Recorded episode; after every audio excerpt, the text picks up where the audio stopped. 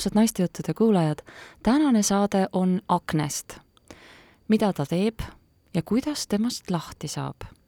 ja meil on saates külas äh, Helia Sillamaa, kes on teleajakirjanik, imeilus naine ja kes on olnud ise selle probleemiga kimpus ja tänaseks välja tulnud. tere, Helia! tere! Ja lisaks on meil äh, stuudios Eva Scarlett, kes on psühhiaatria arst-resident ja tema teab väga hästi, kuidas on nahaprobleemid ja vaimse tervise probleemid omavahel hirmus tihedalt seotud. tervitus! tere! ja, ja mina olen Kristinka Kristiine Herodes, naistejuttude saatejuht ja üks asi minu selles luukere kapis, millest ma ei ole tõesti rääkinud, on see, et äh, ma olen oma elust äh, kakskümmend kaheksa aastat olnud hädas aknaga aga seda ei ole võib-olla alati selle korraliku meigi alt näha ja nüüd praegusel hetkel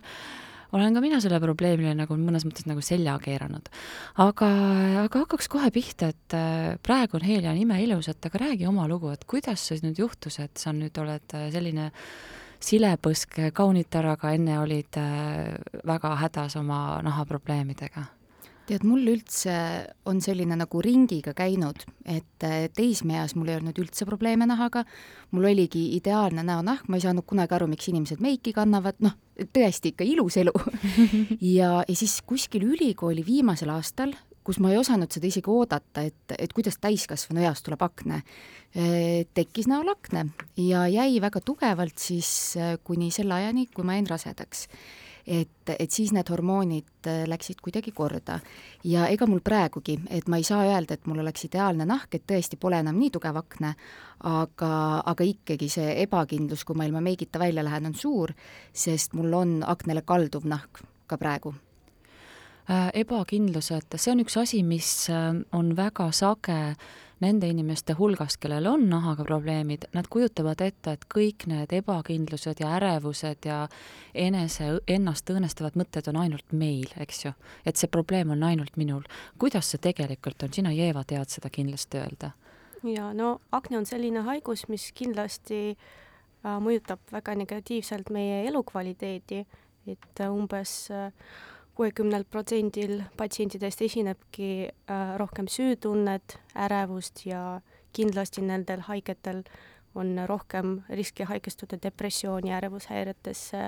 ja näiteks obsessiiv-kompulsiivhäiretesse, et see on väga sage probleem. aga millest see tuleb? no tegelikult see on väga keeruline, et inimesed on erinevad ja nende stressitaluvus on väga erinev ka, näiteks ähm, kindlasti see kõrgenenud stressitase põhjustab rohkem akna egenemisi, seda on ka juba teada. Et... ma arvan, et äh, vabandust, vahele. ei, tead, aga me räägimegi, no arstijuttudes ei ole niimoodi, et kõik peavad nagu kätt tõstma, me räägime kõik nii, nagu tunne tekib, jah. jah, väga hea, sest äh, ma just tahtsin öelda, et, et kust nagu inimestel see tunne tekib, on minu meelest ikkagi see, et kuidas teised reageerivad. sest minul on olnud nagu hästi huvitavaid erinevaid kogemusi, et on neid, kes on öelnud, et et noh, sul pole näol midagi viga, ma ei pane tähelegi neid punne. ja siis mul oli üks äh, selline noh, ütleme siis silmarõõm, kes ütles mulle no sellise lause, et no ikka pärl, ütles siis, et Helja, ära selle akna pärast muretse, eks minulgi ole omad miinused ja ma võtsin seda nii südamesse, et sa nimetad aknet, mis ei ole ju, ta ei ole seotud minu nagu iseloomu, minu olekuga, mitte millegagi, sa ütled, et mul ka omad miinused, nagu sul on akne. et, et ma arvan, et sellistest, mida tihtipeale inimesed, võib-olla ta ei mõelnud seda halvaga, tema ju mõtleski komplimendina, et näed, temal ka omad miinused. aga, aga kuidagi sellised asjad jäävad hästi tugevalt meelde ja hinge jaa, ma tahtsin ka lisada seda, et tegelikult äh, need Äh, nahahaigused on tihedalt seotud meie psüühikahäiretega ja noh, vaimse tervisega üleüldiselt. et näiteks ka teisi haigusi nagu psooriaas, atoopiline dermatiit, neid, neid äh, esineb rohkem inimestel, kellel on äh, kõrgenud äh, stressitase ja mul endal on ka tegelikult äh, äh, mul ei ole aknet, aga minul on atoopiline dermatiit ja kindlasti see ägeneb siis, kui mul on rohkem stressi, näiteks äh, mul endal on äh, uinumisraskused ja unehäired. Ja just siis, kui need äh, probleemid ägenevad, siis tekibki atoopiline dermatiit. et aga see kõlab ju nagu nõiaring, et äh, sul tulevad nahaprobleemid, tuleb sulle sõber, ütleb mingi eriti äh, nagu krõbeda komplimendi, siis tuleb mingi sõbranna, kes võib-olla ta ütleb välja minnes, et noh, et, et ma olen ju sinust parem, et miks, miks sind vaadatakse, sul on ju mingid punnid, on ju, me saame igalt poolt tegelikult puid alla ja siis meil tekib stress sellest ja siis see stressitase kogu aeg kasvab ja sellest tekib isegi alaväärsuskompleks ja, ja siis tänu sellele, et me oleme pinges ja stressis, nahku halveneb. et see on ju täiesti selline nagu nõiaring, kruvib ja kruvib ja kuidas sellest siis üldse välja saab tulla? no tegelikult sellega tegeleb uus valdkond meditsiinis äh,, psühhodermatoloogia ja just see käsitleb neid äh, äh haigusi korraga, et tege-, tegelikult tõesti see nõi, nõiaring tekibki et äh, inimestel, kellel on rohkem stressi, siis nendel on rohkem näiteks noh, kui me räägime aknast, siis nendel on rohkem akna ägenemisi, siis põhju-, see põhjustab veel rohkem stressi ja süütunnet ja ärevust ja no tek-, tekibki tõeline, tõeline nõiaring. No see, see süütunne, me peaks tegelikult sellele eraldi peatuma, et millest see tuleb, et mida siis inimesed endale süüks panevad, et mm. -hmm. me oleme tundnud seda ju. näiteks sina, Eili, oled ka kokku puutunud. ma arvan, et, et seal tekibki ikkagi see tunne, et, et ma ise ei pinguta kuidagi piisavalt, mis sest, et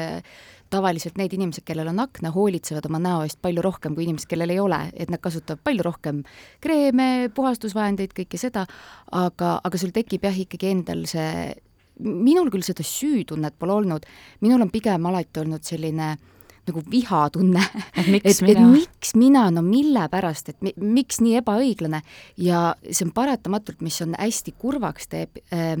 kui oli see tugevam akne, siis ma tundsin kuidagi nagu sellist äh,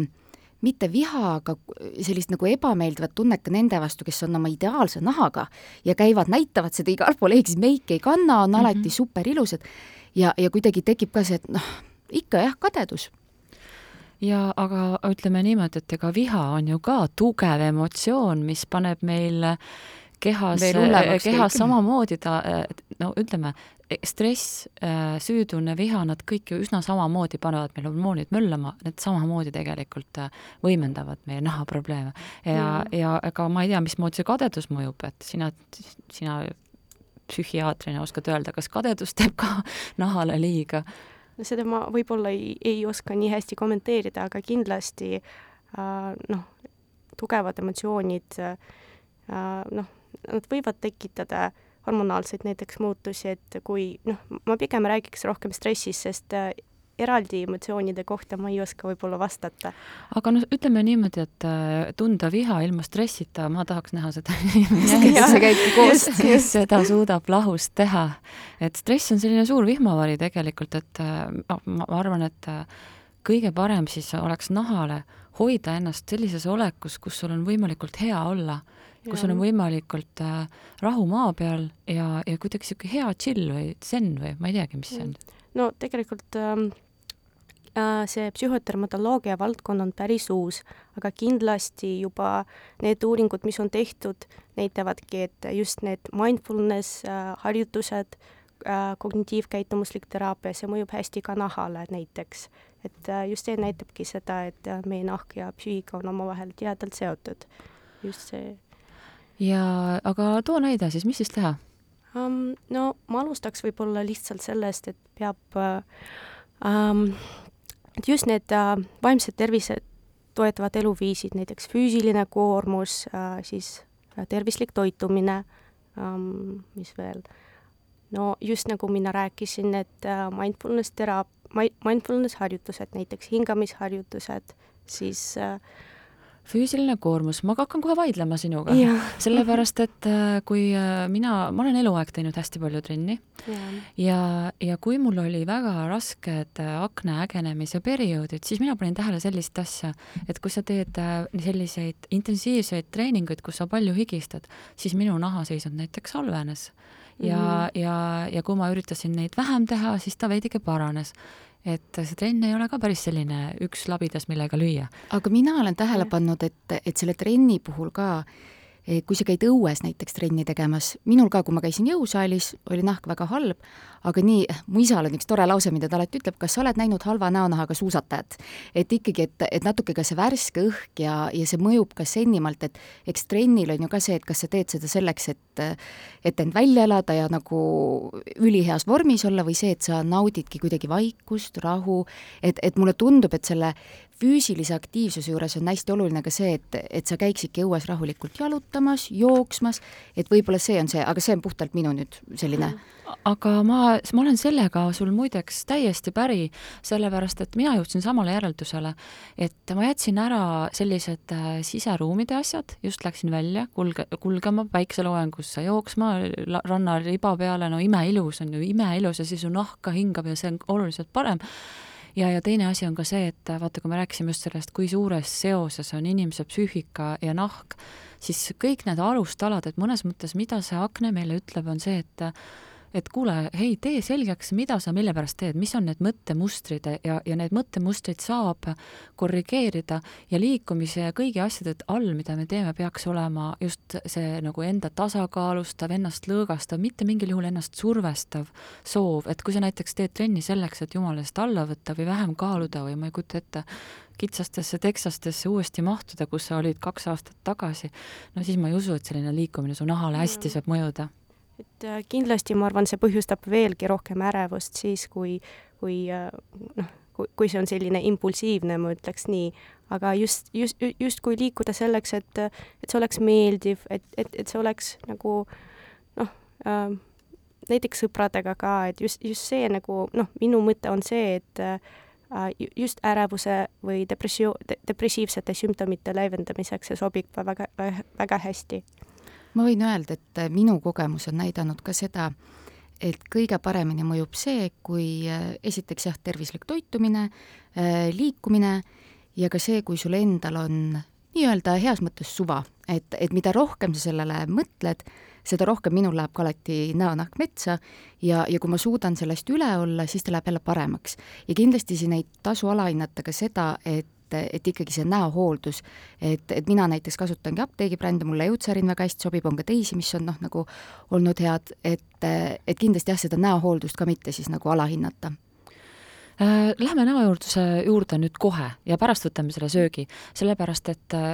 vaat-, vaatame tõele näkku, reaalselt äh, akneline nahk, see on haigus, et äh, see ei ole lihtsalt selline, et äh, kuidas ma nahka hooldan, sul on sageli vaja lisaks siiski ka ravi. ehk sa ei saa lihtsalt mingi sarjaga hakkama. ja, ja mida minu meelest inimesed teevad, ma võin öelda, Kristiina Rõudes tegi seda,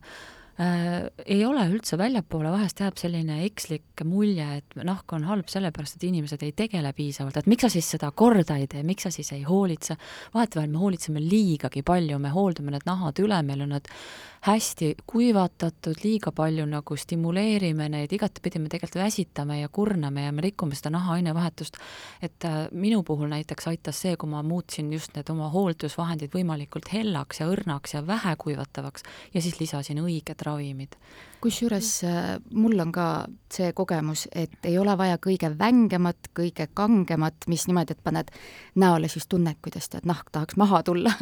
et, et mina ka alguses nagu hästi võtsin, et eriti just nende mitsellaarvee puhul või mm, -hmm. või, või noh, nagu tõesti need, mis on ikka hästi nagu alkoholi baasil ja sellised tugevad, ja ei mõjunud ikka hästi no vanasti kuidagi see koolkond oli ka selline, et sa pead neid punne kohutavalt kuivatama ja mingi ja. selline ma ei tea, selline luul oli ja, ja eks ta kuidagi nagu lühiajaliselt vist nagu ka mõjus ka, et äh, ühesõnaga, kui sul on ikkagi vistrik keset nina ja sa seda kuivatad, siis ta sealt üsna kiiresti ju läheb, läheb ära, sest sa ei saa ju seda vaadata. Aga, aga see naha tasakaal ikkagi sellest on häiritud ja sellised mittekuivatavad ravid äh, on need, mis nagu äh, annavad pikaajaliselt palju parema tulemuse ja ja mina olen vaadanud ka seda, et ja see naha üldine seisukord ka paraneb, sellepärast et aknast ju jääb ka tegelikult väga palju arme, et mis sina arvad sellest äh, hoolduse poolest? No mina olen väga nõus sellega tegelikult, aga ma võib-olla mainiks ka seda, et äh, ikkagi peab äh, õigesti akne diagnoosima, et kindlasti, et ei oleks mingi teine nahahaigus. ja kindlasti noh, mis on oluline näiteks, et mõni psüühikahäire sümptomiks võibki olla akne, näiteks söömishäirete puhul. et äh, see on noh, üks selline huvitav fakt, et äh, kui inimene ei söö piisavalt, et ja ei saa piisavalt palju kalureid, siis äh, tegelikult võib tekkida ravimiresistentne akne, mis on, mis, mis tegelikult tavaliselt taandubki, kui anoreksia nervoosa on näiteks kontrolli all. see on väga huvitav fakt, et mm., et ühesõnaga reaalselt sa oled hädas oma nahaprobleemiga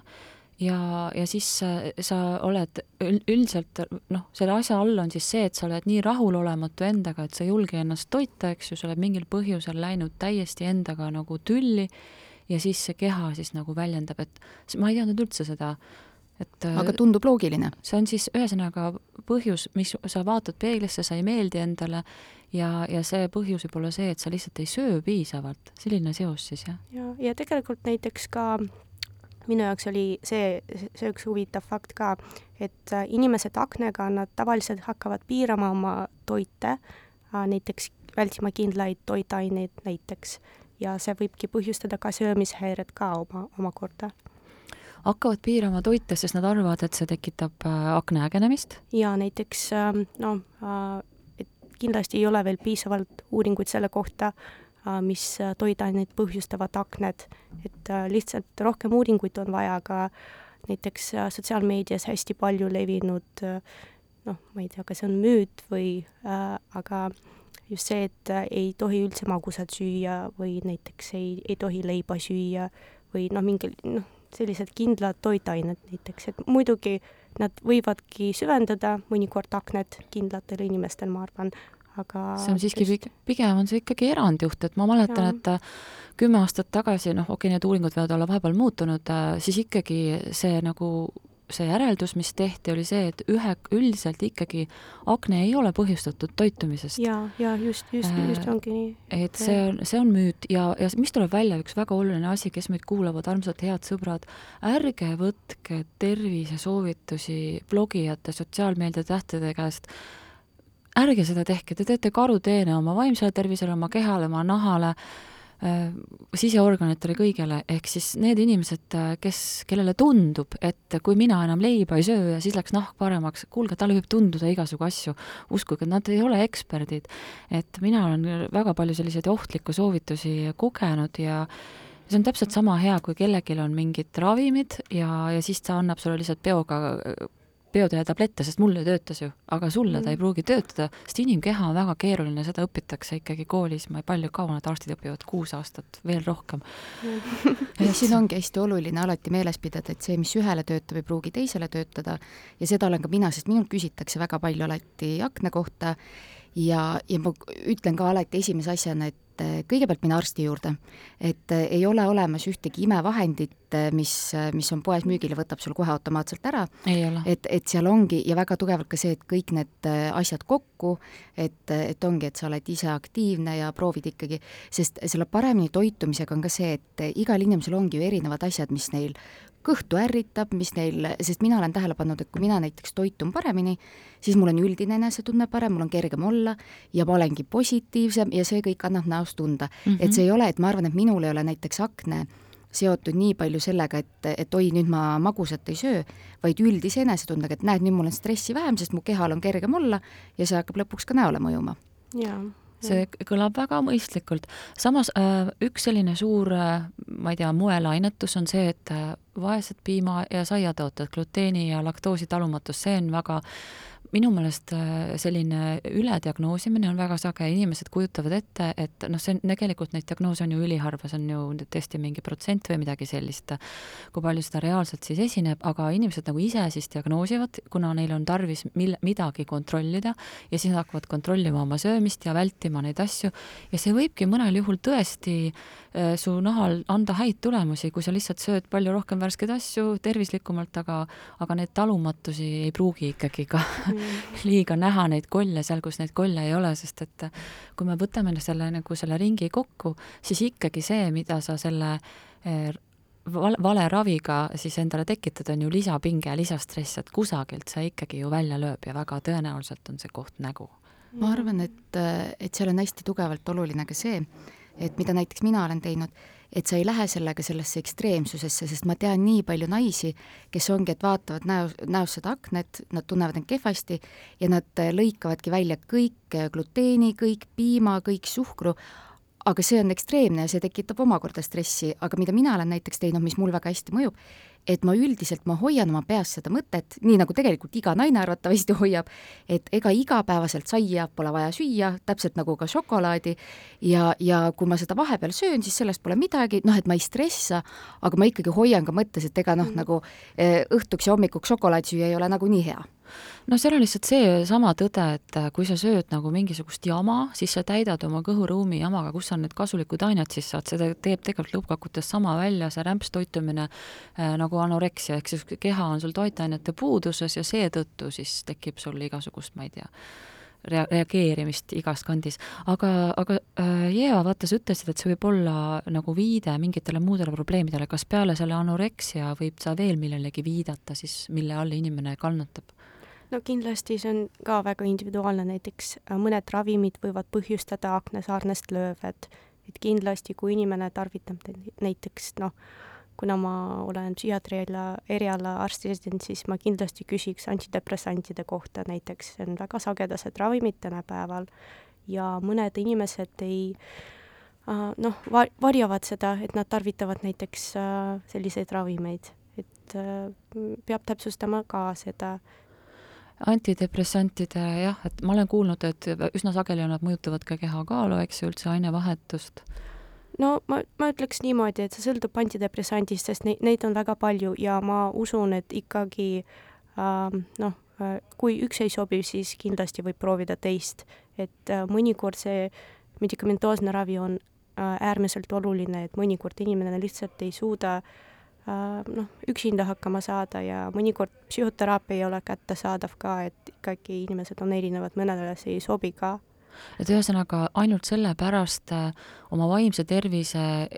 raviks võetavat äh, rohtu sa ei tohiks tegelikult äh, jätta sinnapaika, et sa näed, et see mõjub su nahale, vaid sa pead lihtsalt leidma endale sobivama ravimi. et kui sa, kui sa tegelikult vajad ravi, siis sa tegelikult ei tohi seda katkestada, äh, nende kõrvalmõjud, aga tegelikult on ju tegelikult hulk ravimeid veel, mis, mis võivad nagu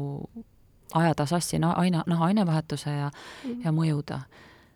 kindlasti neid on palju, mitte, mitte ainult psühhiaatrilised äh, ravimid, aga noh, üleüldiselt et äh, tegelikult nahahaigused on väga noh, eri, erinevad, et kindlasti võib-olla inimene arvabki, et temal on akne, aga noh, tegemist võib olla näiteks mingi infektsioon, nahainfektsiooniga näiteks. et kindlasti noh, miks, miks ma rõhutaks ühe korra veel, et kui see akne on selline raske ja noh, mõjutab juba negatiivset elukvaliteeti, siis kindlasti võib pöörduda arsti poole ja tegelikult noh, üks, üks, üks arst, kelle poolt, kelle poole saab alati pöörduda, ongi perearst. tegelikult tema saab ka alustada raviga, nii, nii psüühikahäirete ravi kui ka äh, nahahaiguste ravi äh, nahaarsti juurde pöördumine on kindlasti hea soovitus, aga me teame ka seda, et sa võid seal oodata järjekorras päris kaua, kuu aega näiteks. see on tõsi. sest et ja. nad on väga hõivatud äh, nahaarstid ja eriti, kellel on siis sellised head referentsid, inimesed on käinud, abi saanud, siis äh, ütleme, ei ole üldse lihtne, ütleme küll, et peab minema, aga aga ma jah, et ma olen sama, sama meelt sinuga, et käsikaudu sa ei, pimedas toas sa ei saa ravida, sa pead kõigepealt teadma, mis asi see sul üldse on ja millele ta üldse äh, reageerib. et äh, ma räägin lihtsalt vahele ühe loo, mis oli äh, minul, kui ma olin äh,, las ma mõtlen, ma olin kakskümmend, kahekümne ühe aastane siis äh,. juhtus selline lugu, et äh, ma käisin äh, kosmeetiku juures Äh, käisin lihtsalt sellised väikesed, mis need on, kometoonid ja neid asju eemaldamas ja, ja tollel ajal mingi ime läbi, ma ei taha öelda, öelda üldse, et see kosmeetik oleks selles süüdi, aga ma sain mingi täiesti võõra bakteri, mis ei ole aknebakter. ja, ja see ei allunud mitte mingisugusele ravile ja see läks hästi hulluks ja ja ta läks täiesti nagu kontrolli alt välja ja mida iganes ma tegin kõik läks kogu aeg ainult hullemaks, kuni lõpuks ma maandusin siis Tartus äh, nahahaiguste haiglas, ma ei teagi, kuidas seda õige nimi on, igatahes seal mäe otsas ta on puude all, ja, ja siis tehti mulle esimest korda siis nagu analüüsid, et mis asi see üldse on ja siis nad said aru, et oi, et niisugune bakter on nii ebaharilik, et nad, kus see on, tavaliselt üldse pole. ja siis nad said ka teada, millele ta reageerib ja siis tegelikult äh, hakkas see paranemine väga kiiresti ja väga hoogsalt peale. Et äh, miks ma seda lugu räägin, ongi see, see, seda ei ole kerge, seda saavutada, et tehakse mingid testid või kuidagi sind analüüsitakse, aga, aga fakt on see, et kõik juhud on erinevad ja ikkagi arst on kõige pädevam inimene, kelle juurde abi saama minna. ja, ja ega üksimene, aga tegelikult seda ikkagi sageli, seda probleemi ei saa lahendada, kaasa, kaasa arvatud meil võib jääda väheks ka nendest apteegi kosmeetikasarjadest, mis on, eks ju, ilma retseptita saadaval. et sageli on ikkagi retseptiravimit vaja. et äh, jah, ma olen sellega väga nõus, sest äh, kindlasti noh, õige diagnoos on juba esimene asi, mis peab olema ikkagi enne seda, kui me hakkame aknet ravima, aga noh, muidugi kergematel juhtudel võibki alustada Äh, apteegitootjatest näiteks ja ma arvan, ja ma arvan, et äh, seal on oluline ka selleks, et, et siis, kui sa saadki näo korda, et see ka püsiks. et, et seesama, et äh, mida ma olen kuulnud, et paljudel on, oh, sain nagu lahti sellest ja ununeb kõik see, mis sa oled siis teinud mm, -hmm. et mhm. kõik see eh, hea toitumine, kõik see näo eest hoolitsemine, et kindlasti jah, et, et kuidagi ka mitte alahinnata seda, et tegelikult ikkagi igapäevahoolitsusel on ka ju eh, oma koht olemas. ei, muidugi. see on täpselt see, et meid, me peame jätkama seda, mida me õigesti teeme, aga ikkagi, kui me paneme nüüd selle äh, sellise püramiidi püsti, siis kõige alumine baas on ikkagi see, et äh, meie end, me hoiame ennast nagu heas tasakaalus. nii vaimses plaanis kui siis nagu füüsilise aktiivsusega toidame ennast korralikult, äh, käime värskes õhus liikumas ja aga samas ühegi koha peal ei lähe nagu hulluks, ei lähe trenniga hulluks, ei lähe söömisega hulluks, ei lähe naha eest hoolitsemisega hulluks ega ei lähe muretsemisega hulluks ja üks asi veel minu meelest on oluline ikkagi nagu kogu aeg äh, pidada meeles seda, et äh, me ei, me ei vaata ju viltu inimesele, kellel näiteks on jalg kipsis, on ju, või, või ma ei kujuta ette, kellel on mis iganes, kes jääb kes jääb grippi. Või praegu oli natuke aega tagasi, kes jäi koroonasse, kas inimene on siis sellepärast kuidagi süüdi või halb, et äh, mingil põhjusel ikkagi, kui meil on nahaprobleemid, me tunneme ennast nagu vähem väärtuslikuna ja tunneme, et me oleme midagi ise valesti teinud, et me oleme kuidagi teistest kehvemad, meil on mingi märk juures, see on täpselt sama, see on täpselt sama kui see kipsis jalg. et see on mhm. mingi asi, millega on vaja ajutiselt tegeleda, see ei vähenda su väärtust mitte ühelgi moel ja noh, seda on, ma ütlen, palju lihtsam öelda kui raske, aga raske teha vist, jah. jaa, tegelikult mis on veel akna puhul oluline, on see, et äh, mõned inimesed äh, väldivad sotsiaalseid tegevusi, näiteks neid, need ei käi tööl, need ei käi jõusaalides, et tegelikult see, see omakorda võibki noh, olla riskifaktoriks ka psüühikahäired tekkeks. kusjuures ma seda olen omal nahal tundnud, et äh, mul oli ka tihti see, et ah, et ma ei jaksa meiki peale jälle panna ja ma pigem jätan üldse minemata, sest ma meigiga ei viitsi minna või noh, nagu seda nagu teha. ja ilma ei taha näidata. ilma ei taha, ja näiteks minul oli see, et ööseks kuskile jäämine oli väga suur probleem, et kui sõbrad nagu mõtlesidki, et noh, mitte siis lähedased sõbrad, ütleme, et näiteks suurem jaanipäev, et aa, lähme kellegi kunagise kursavenna juurde siis mina tundsin alati, et mina ei, ma ei taha kaasa tulla, sest see tähendab seda, et ma pean ühel hetkel meigi maha võtma e,, siis ma olen seal üksinda nagu selle, noh, nagu et siis kõik näevad, milline see nägu on, et, et tekitab jah seda, et mida ma olen jah tundnud, et ei tahagi mingitest asjadest osa võtta. see, aga see on, ma mäletan sama, et me läksime sõpradega telkima ja, ja siis on, nendel on seal mõnel ei olnud, mõni, okei okay,, mõnel ei olnud hambaharjagi kaasas, ma vaatasin ka täpselt selliselt, et miks nende elu on nii kerge, sest minul olid oma need äh, nahahooldusasjad kõik, siis mul olid ravimid, mul oli terve kuramuse kott kolises, kogu seda aknemöksi oli mul nii palju. ja siis ma mäletan, et äh, ma ootasin, kuni nad lähevad magama ja siis ma istusin seal teki ees, telgi ees selle mati peal või õigemini selle telgi taga. ja siis ma tegelesin ja peeglit seal korralikult, mõtlesin, et nendel on nii muret, on ju, nemad kõik magavad seal ninad pahupidi peas, on ju, ja siis mina siin tegelen siin ja arstin ennast ja ikkagi on minul kõige hullem nahk, et et see aga nagu samas jaa, et aga ma mõtlen, muud lahendust ikkagi pole, kui astuda üle sellest äh, ebamugavuse piirist ja võtta ikkagi täiel rinnal elust osa, sest et äh, see on selle vundamendi jaoks vajalik, selle hea tasakaalu hoidmiseks vajalik, vahet ei ole, et ongi, oledki siis praegu selle nahaprobleemiga ja noh, mis on, mis on nagu, minu meelest on ikkagi väga tähtis mitte ennast isolatsiooni jätta või mis sinu kogemus ütleb, Eva, selle kohta? Kuidas mõjub see isolatsiooni jäämine vaimsele tervisele? no ma, ma olen kindel, et see ei mõju hästi kindlasti um,. noh, jah, ma võib-olla kom-, kommenteeriks seda ka, et uh, noh, inimesed on erinevad ja mõned on noh, iseloom on erinev, temperament on ka erinev, et mõned inimesed tajuvad seda noh no,, pigem kergemini ja noh, mõnedele see võib olla raskem. Et äh, ma arvan, et eks siin on ka hästi oluline see, et et see näitab ära ka, kes, kes inimestest peaksid su elus olema. et ilmselgelt me keegi ei tahagi enda ellu inimest, kes, kes kommenteerib su näo kohta, kui sa lähed matkama ja ta ütleb, issand, selline oled ilma meigita, et noh, sa ju ei tahagi sellist inimest enda ellu. et, et no. ma arvan, et ka see, et, et sinu enda sõbrad ju armastavad sind sellisena, nagu sa oled ja see ongi kõige olulisem. Nad võiksid armastada sind, mitte seda, mis, mis äh, kiht sul hetkel nagu seal naha peal on või, või ei ole, see on täpselt sama asi, et äh, aga me, me eeldame, et me võiksime nagu isiksustena olla ja meie sisemine ilu ja väärtused ja kvaliteedid võiksid nagu särada üle sellest ajutisest probleemist, aga inimesed ju ei ole sellised, inimesed panevad nätaki-mütaki ja paljud,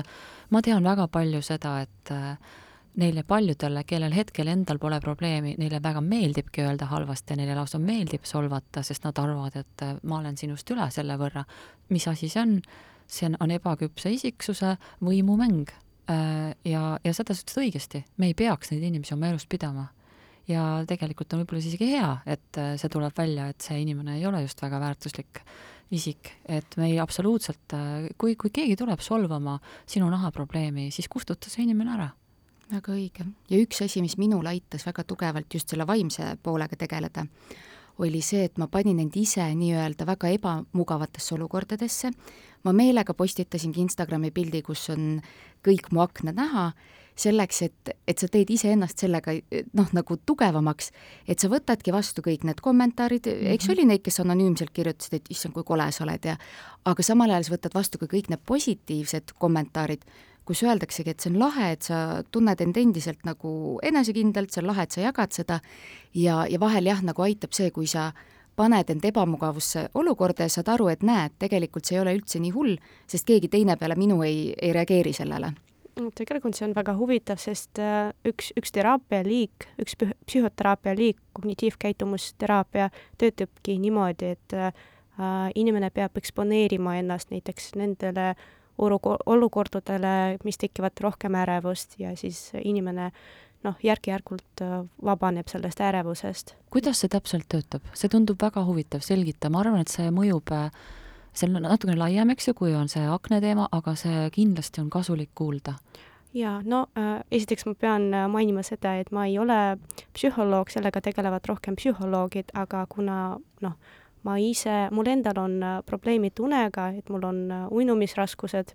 et ma ise käisin terape-, äh, terapeudi juures, et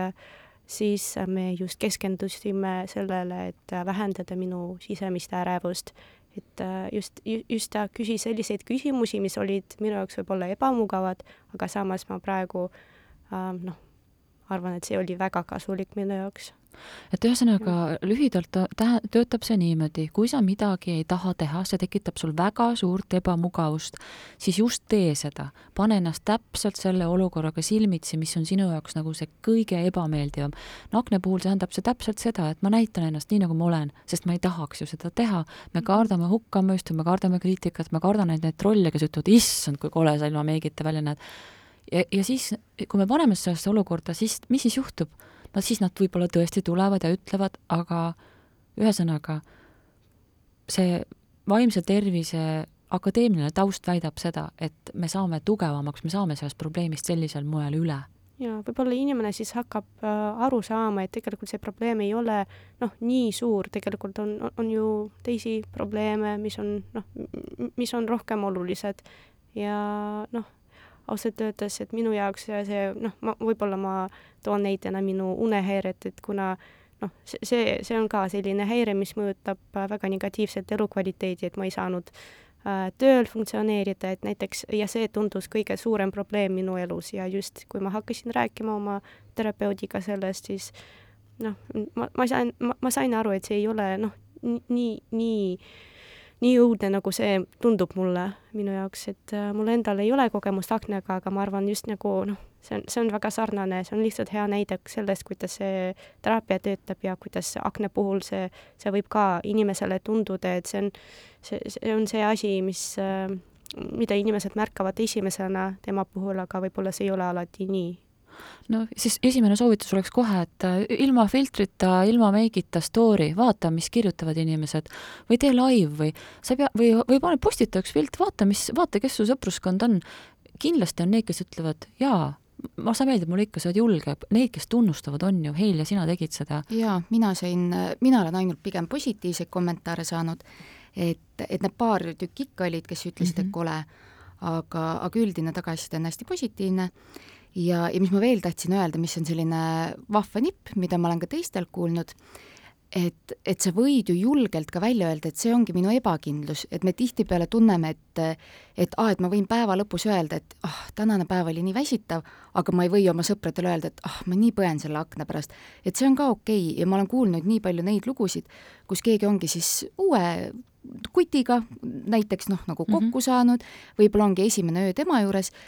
ja sa tunnistadki ausalt, et tead, mul on nahaga probleeme ja ma tunnen end väga kehvasti selle pärast. sest sellel hetkel saab see inimene, palju hullem on see, kui sa oma peas kogu aeg mõtled, et mis ta sellest arvab, mis ta mm. sellest arvab, et sa saad selle välja öelda ja tema saab sulle kinnitada, et pole mitte midagi hullu sellest. sest minul oli küll ka äh, noh, nagu akna ajal, et suht alguses ka siis enda elukaaslasega ma, ma ka nagu ütlesingi tihtipeale, et näed, et ma ei taha praegu äh, sinu sõpradega sinna rabasse minna, sest nemad kõik on ideaalse näonahaga, nemad ei pea endale meiki panema, mina tunnen end ebakindlalt ilma meigita, ma tahaks meigi peale panna mm, -hmm. aga samas on veider, kui ma lähen rabasse meigiga. et me rääkisime need situatsioonid läbi ja see tegi selle kõik palju kergemaks, et sa ei ole selles üksinda seal vannitoas mõtled, mida ma nüüd teen no fakt on see, et see inimene, kui ta su kõrval on, ära arva, et ta ei tea, ta teab. jah, seda ka äh, ja ta teab nii või naa ja kui ta on sinuga siis ja, ja kui sina temast hoolid ja tema sinust, kedagi ei jäeta maha ühe võistliku pärast ninal või, või kahe või kahesaja, no see lihtsalt ei käi niimoodi. aga jah, see väljaütlemine, see selgelt ütle, ütledki, jaa, mul on, see on täpselt sama, mis on see, nagu paned ennast hirmuga silmitsi, ma ütlen välja, ma tunnistan selle. ja siis sellel hetkel see, see hirm enam sind ei kontrolli, sest sa nii-öelda lased õhu kätte ja see on minu meelest imeline taktika. aga, aga ikkagi, kui nüüd mõelda, et mis siis, mis siis nagu ravib selle akna ära, et mis siis on see väljapääsutee. ma ütlen, kindel on see, et see on ravitav,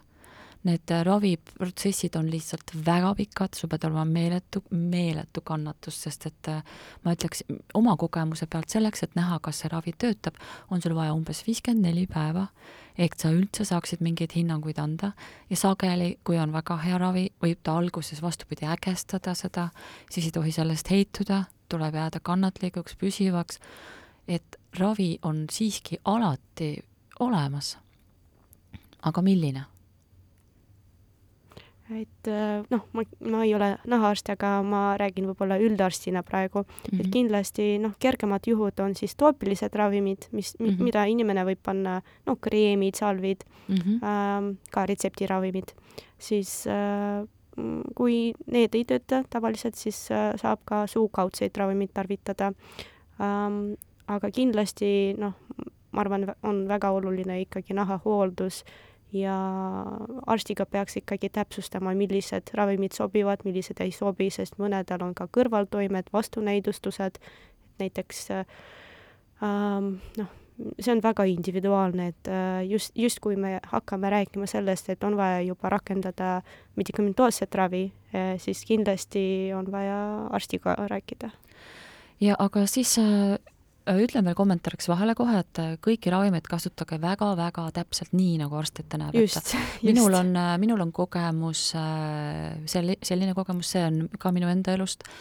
mul olid ühed antibiootikumid, mis, millele akne väga hästi allus, aga seal olid teatud mingid rütmid, et milline võib see sagedus olla ja kuidas peavad pausid olema ja, ja kuna see nagu efekt oli korraks nii hea ja arst ütles, et sa ei tohi neid rohkem võtta, siis äh, mida siis tegi Kristiina kaval pea, läks teise arsti juurde, lasi uuesti kirjutada. ja, ja see tegelikult on asi, mida ei tohi teha, teine asi, mida, järjekordne viga, mida ma tegin, äh, hormonaalsed ravimid, need on lühiajaliseks kasutamiseks, nii kui kasutad neid pikka aega, rikud jälle naha tas-, tasakaalu, et äh, ärge olge ise arstid, te teete hullult kahju oma nahale. aga, aga ärge ka arvake, et see on igavene mure ja ma tahaks veel öelda ühe asja, et äh, selle,